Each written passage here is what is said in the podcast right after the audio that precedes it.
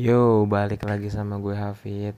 Untuk episode minggu ini Sesuai by request dari Instagram Ada yang request minta dibahas tentang Kalau sinetron Azab atau FTV Azab itu Jadi bahan bercandaan Jadi bahan jadi bahan lawakan receh Itu dosa atau enggak? Nah, ini sebenarnya menarik nih untuk dibahas. Karena kesannya ada unsur dosa dan ada unsur membahagiakan. Karena kan membuat tertawa, jadi bahagia. Kalau menurut kalau gue ditanya gitu, itu dosa atau enggak sih? Gue dengan lantang jawab enggak. Kenapa enggak? Karena kita itu bukan menertawakan full. Nih satu FTV ini nih jadi kayak film komedi gitu kayak film warkop. Enggak. Gue tidak menertawakan satu film ini tuh komedi. Contoh ada adegan benernya nih di dalam di, da, di dalam di dalam satu FTV yang dibecandain orang-orang. Ada adegan benernya ketika ada orang suatu ada satu anak muda dia mat uh, dia mat dia mat dia mencuri lalu mati tangannya bernanah gitu kan. Itu kan adegan bener gitu. Itu azab yang real. Wah tangannya bernanah karena mencuri. Loh kan gue nggak menertawakan itunya. Ya nggak? Tapi gue menertawakan adegan lucu atau yang paling sering ditertawakan nih adalah judulnya. Judulnya memang aneh-aneh. Judulnya memang receh dan membuat orang tertawa.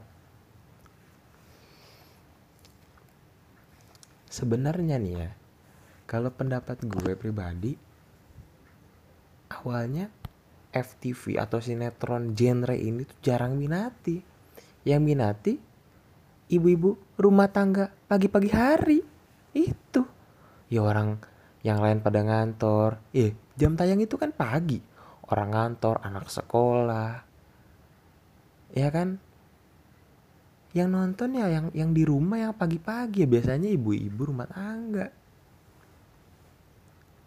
Gue yakin nih mereka atau lebih tepatnya orang yang penonton awal banget nih sebelum ada netizen-netizen yang merecehkan sinetron religi ini itu ngelihat judulnya cuma sekedar aneh gitu. Loh kok judulnya gini gitu loh?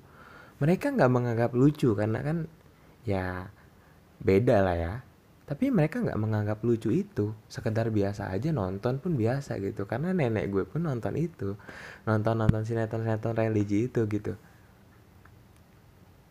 Tapi kenapa sekarang bisa jadi viral bisa jadi terblow up naik? Karena sinetron atau FTV ini itu secara tidak langsung dipromosikan oleh akun-akun receh, akun-akun viral. Ya inisialnya Aulah, belakangnya receh. Itu. Atau peranakannya lah, receh tapi sayang. Ya itu dua akun ini yang menurut gue awalnya memviralkan tentang sinetron-sinetron azab ini. Ini ini lebih tepatnya di Instagram ya karena gue nggak main Twitter. Jadi gue nggak tahu kalau di Twitter itu yang memviralkan ini tuh akun apa atau siapa. Jujur gue pun baru tahu dari Instagram tersebut dari akun tersebut gitu loh. Loh kok judulnya kayak gini gitu? Memang lucu judulnya. Judulnya memang lucu. Mungkin uh, dilihat dari sudut pandang receh judulnya memang receh. Tapi gue yakin pada awalnya banget nih sebelum terblow up pihak TV yang membuat itu tuh tidak berpikir untuk merecehkan judul tersebut. Ah cuma pengen judulnya diunikin dikit nih.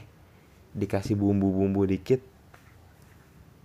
Nah tahu taunya dari sudut uh, dari judul itu ada sudut pandang recehnya. Sudut pandang komedi. Komedi receh gitu. Mulailah satu satu judul diangkat. Taunya viral kan?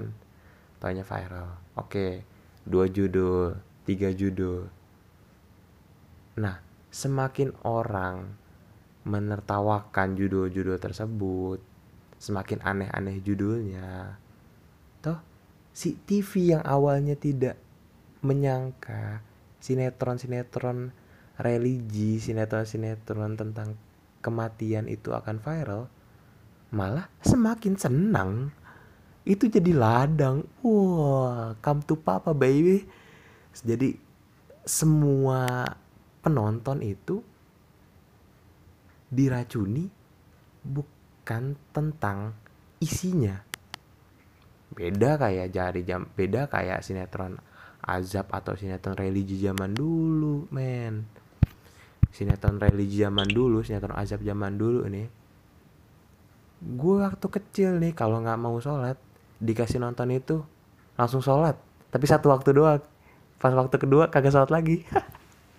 Tapi serius sinetron religi zaman dulu itu esensinya itu lebih dapet. Esensi tentang bagaimana kita menerap kita jangan sampai kayak si orang yang dapat azab di, di FTV itu. Esensinya kan begitu. Niat awal penyampaiannya itu seperti itu gitu loh. Nah tapi sekarang disalahgunakan karena mereka melihat ada keviralan oh begini tuh viral gitu viral yang salah sebenarnya kalau menurut gue Salah banget. Nah, dosanya di sini.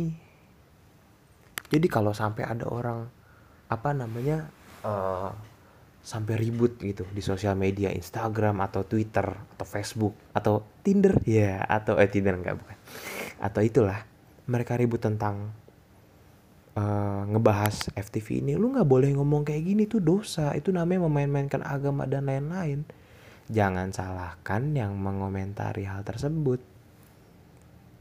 Netizen itu hanya biasanya dan memang setelah gue amati itu hanya mengomentari tentang judulnya yang lucu. Bukan tentang satu isi filmnya itu semuanya. Nih gue bacain contoh yang lucu nih ya judulnya. Pasangan pengopas BBM mati terbakar bensin. Wih, Serem juga, jenajahnya tertimpa tiang listrik dan yang lahatnya tersambar petir berkali-kali. Buset dah.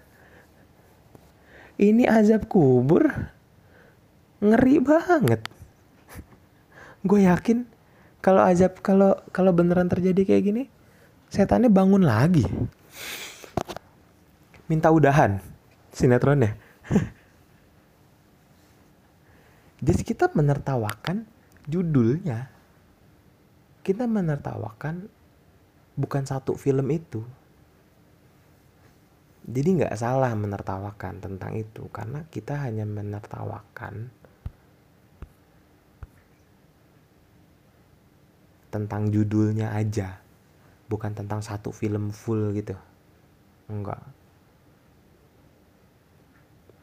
makanya aneh aja kalau sampai banyak orang yang berdebat tentang ini tuh dosa kayak nggak boleh kayak gini. Kita kan bukan menertawakan semuanya gitu. Kita menertawakan hanya judulnya yang memang lucu. Yang salah di sini si pembuat judulnya sebenarnya gue yakin mereka tuh seperti udah terlena gitu. Kesannya sekarang malah jadi salah kaprah gitu. Orang nih ya zaman dulu nih. Ya 2000-an lah orang 2000-an orang 2000-an nonton sinetron religi supaya ingat kematian. Loh sekarang tahun 2K18 nonton sinetron religi atau sinetron hidayah malah udah kayak nonton Warkop DKI. Lo gimana ceritanya tuh? Udah salah persepsi dan salah kaprah.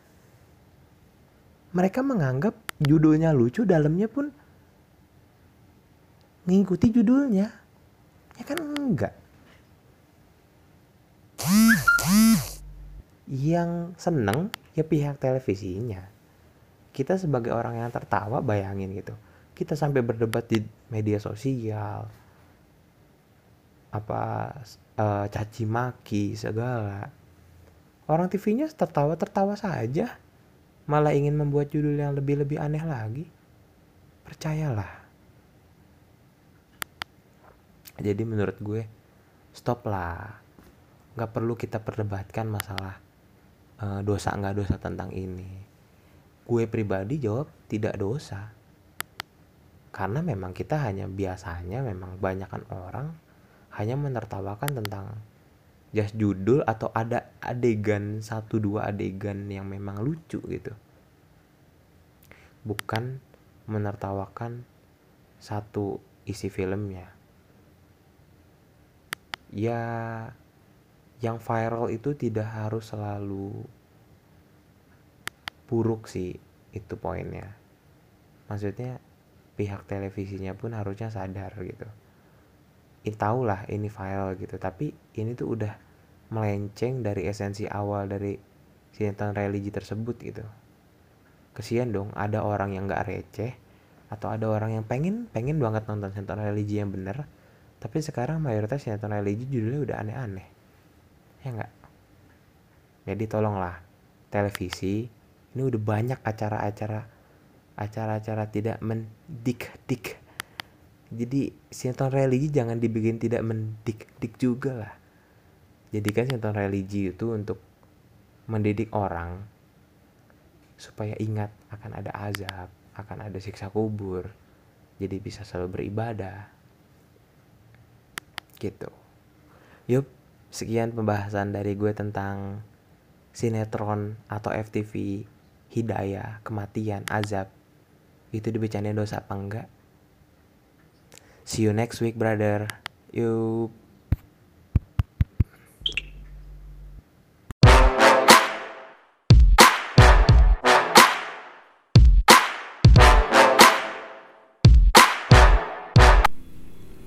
Hey ho, balik lagi bareng gue Ajis. Kali ini uh, gue mau ngebahas masalah hoax. Setelah minggu kemarin rame banget ada kabar soal hoax, hoax terbaik se Indonesia katanya, uh, yang dilakukan oleh seorang berinisial RS. Dia bikin hoax, uh, bikin berita, bikin kabar soal katanya dia digebukin oleh sekelompok orang. Dan ternyata itu bohong gitu. Ternyata uh, dia melakukan operasi plastik gitu nah sekarang kita bahas bukan soal kasus itunya ya kita bahas soal hoaxnya ini. Kalau secara bahasa hoax itu dari bahasa Inggris yang berarti pemberitaan palsu. Hoax ini beda dengan prank. Kalau prank itu dilakukan uh, dengan sasaran atau tujuan seseorang ataupun sekelompok kecil orang tapi kalau hoax ini tujuannya itu uh, lebih luas cakupannya lebih luas. Mungkin kayak uh, kasusnya si ibu RS ini dia itu uh, bisa dibilang korbannya tuh lebih banyak cakupannya lebih luas. Nah dia uh, bukan udah bukan termasuk prank lagi nih dia bukan ngeprank seorang uh, orang se Indonesia tapi udah udah itu udah disebut dengan hoax gitu berita palsu. Nah bedanya lagi selain tadi tujuan atau sasarannya yang uh, lebih luas atau lebih kecil hoax ini punya sistem yang lebih rumit punya sistem yang lebih dipikirkan masak-masak dulu. Sebelum hoax ini uh, dikeluarin.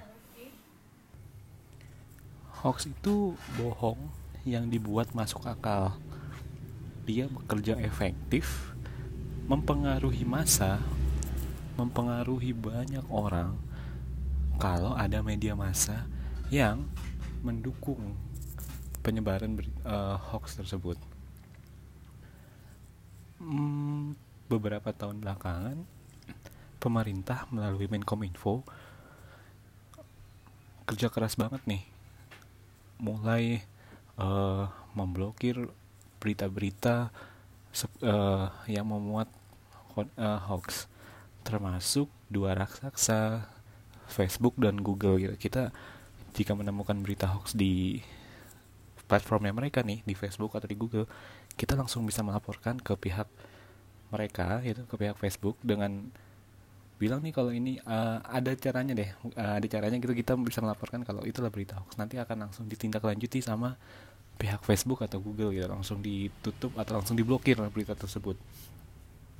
Termasuk uh, Menkominfo ini juga sudah mulai menutup memblokir situs-situs yang uh, memuat berita-berita hoax.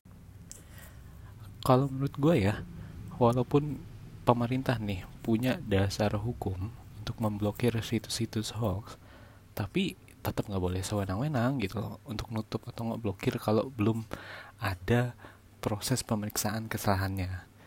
Maksudnya gini pemerintah nggak bisa sekaligus jadi regulator pelaksana dan sekaligus jadi yudikatif sebagai penghukuman dan pengeksekusinya. Uh, menurut gue ya ini namanya otoritarian gitu. Tiga kekuasaan sekaligus melekat pada satu tangan. Walaupun sebenarnya tujuan pemerintah baik, melindungi masyarakatnya, terutama nih anak-anak nih, atau generasi muda, uh, agar terhindar dari berita-berita hoax tersebut. Tapi kita juga nggak boleh menegasikan proses hukum yang adil terbuka uh, yang di yang uh, yang dipegang oleh satu tangan tadi gitu. Tetap uh, ada prosesnya secara sosiologis di dalam masyarakat justru berkembang istilah bohong putih dan bohong hitam. Maksudnya gini nih, bohong putih itu menyampaikan suatu berita yang tidak sebenarnya kepada seseorang atau sekelompok sekelompok orang untuk menghindari terjadinya konflik jika berita disampaikan sebagaimana adanya. Sedangkan bohong hitam itu ditafsirkan sebagai perbuatan sengaja untuk membohongi dengan maksud menipu atau dengan menarik perhatian masyarakat. Um, mungkin kita lebih mengenal dengan gosip ya. Ya makin digosok tuh makin sip katanya. Bahkan jadi tren pemberitaan yang disebut infotainment itu sebagai hiburan gitu loh. Asik aja gitu loh ngeliatnya. kayak nonton sulap gitu kita siap dibohongi tapi bedanya lagi nih antara hoax dan sulap. Kalau hoax itu orang-orang yang menikmati hoax itu itu nggak sadar mereka lagi dibohongi. Mereka menikmatinya aja tanpa sadar kalau mereka lagi dibohongin kalau mereka lagi dikasih berita yang nggak benar. Tapi kalau sulap nih orang yang nonton sulap itu mereka sadar. Bahkan mereka menunggu untuk dibohongin sama si pesulapnya. Gitu. Sama-sama menghibur tapi bedanya yang satu sadar yang satu ini nggak sadar hoax ini emang jahat sih tapi hoax juga bisa ditempatin tuh sebagai alat pembanding untuk meningkatkan kepercayaan masyarakat terhadap media-media mainstream. Nah, ini nih makanya nih jadi tugas media mainstream sama dewan pers untuk menjaga kepercayaan masyarakat untuk menjadi tempat pemberitaan yang resmi. Jangan malah media mainstream itu ikut-ikutin nyebarin berita hoax gitu. Soal hoax ini nih jadi sisi negatif dari kebebasan berpendapat. Jadi sisi negatif dari uh, bagaimana seseorang bisa mengeluarkan pikirannya. Karena itu dunia maya itu kan sebenarnya tempat tanpa pemerintah gitu loh dan dunia maya ini jadi media untuk mengekspresikan kebebasan pendapat dan pikiran. Tapi kadang dunia maya itu nggak bisa disentuh sepenuhnya gitu. Orang tuh udah bebas banget di dunia maya. Terus gimana sih caranya kita nggak jadi korban dari berita hoax? Pertama balik lagi ke diri kita sendiri. Kita jangan jadi orang yang mudah percaya dengan berita apa pun. Kalau dalam budaya akademis ini kita dituntut untuk kembali melakukan research. Kita melak- uh, melakukan yang namanya cari tahu lagi nih benar apa enggak.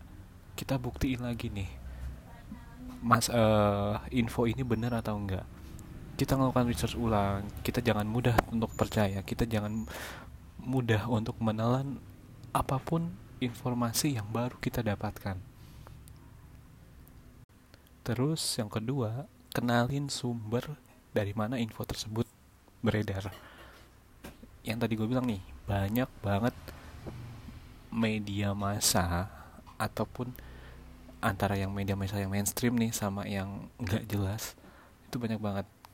Mungkin kalau media mainstream pun uh, bisa nih kita percaya. Media mainstream tuh yang yang udah banyak kita kenal ya, entah di TV ataupun di koran Nah, media-media yang gak mainstream ini nih, yang mungkin infonya itu nyebar lewat sosmed nih, WhatsApp, Instagram, yang kadang kita aja nggak tahu deh ini siapa, tapi dia bisa mengasih info. Nah, kenalin dulu nih. Ibaratnya kalau kita kayak belanja nih di di uh, online shop, kita cari tahu dulu kan penjualnya itu ratingnya berapa. Nah, mungkin kayak gitu tuh. Kita kenalin dulu sumbernya. Kalau misalnya dia adalah media yang bisa terpercaya yang media yang bisa dibilang sudah lama biasa memberikan info-info ya bisa dijadikan referensi gitu. Tapi kalau misalnya media-media sumber yang nggak jelas kita wajib cari tahu lagi mengenai info yang dia kasih. Hmm, kemudian persoalan hoax ini sebenarnya bukan masalah baru ya. Bukan masalah dua atau tiga tahun ini. Sebenarnya dari zaman dulu pun masalah hoax ini tuh udah ada. Bahkan dulu pun para nabi ya itu bisa dibilang penyebar hoax gitu. Ah masa iya laut bisa terbelah gitu. Masa iya bulan bisa terbelah kayak gitu.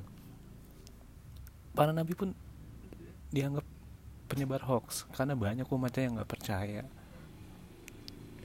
Terus ketika zaman Renaissance banyak saintis-saintis yang juga dianggap mereka adalah penyebar hoax. Mereka melakukan suatu hal yang nggak mungkin gitu banyak orang yang nggak percaya.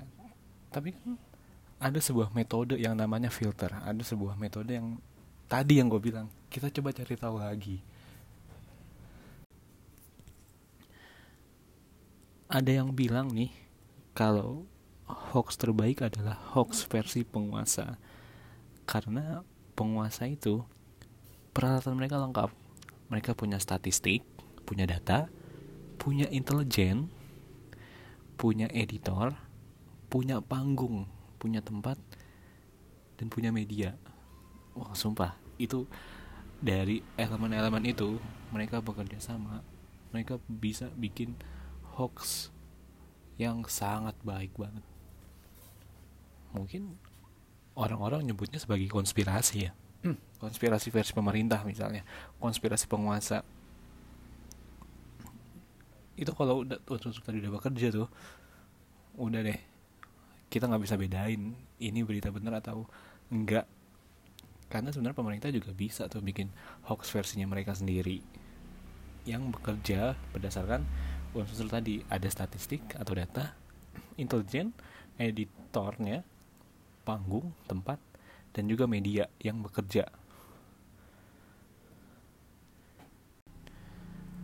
Mungkin kalau dari gue sendiri ya balik lagi nih apa yang udah gue bilang di tadi uh, kita jangan mudah percaya dengan pemberitaan atau info apa pun gitu.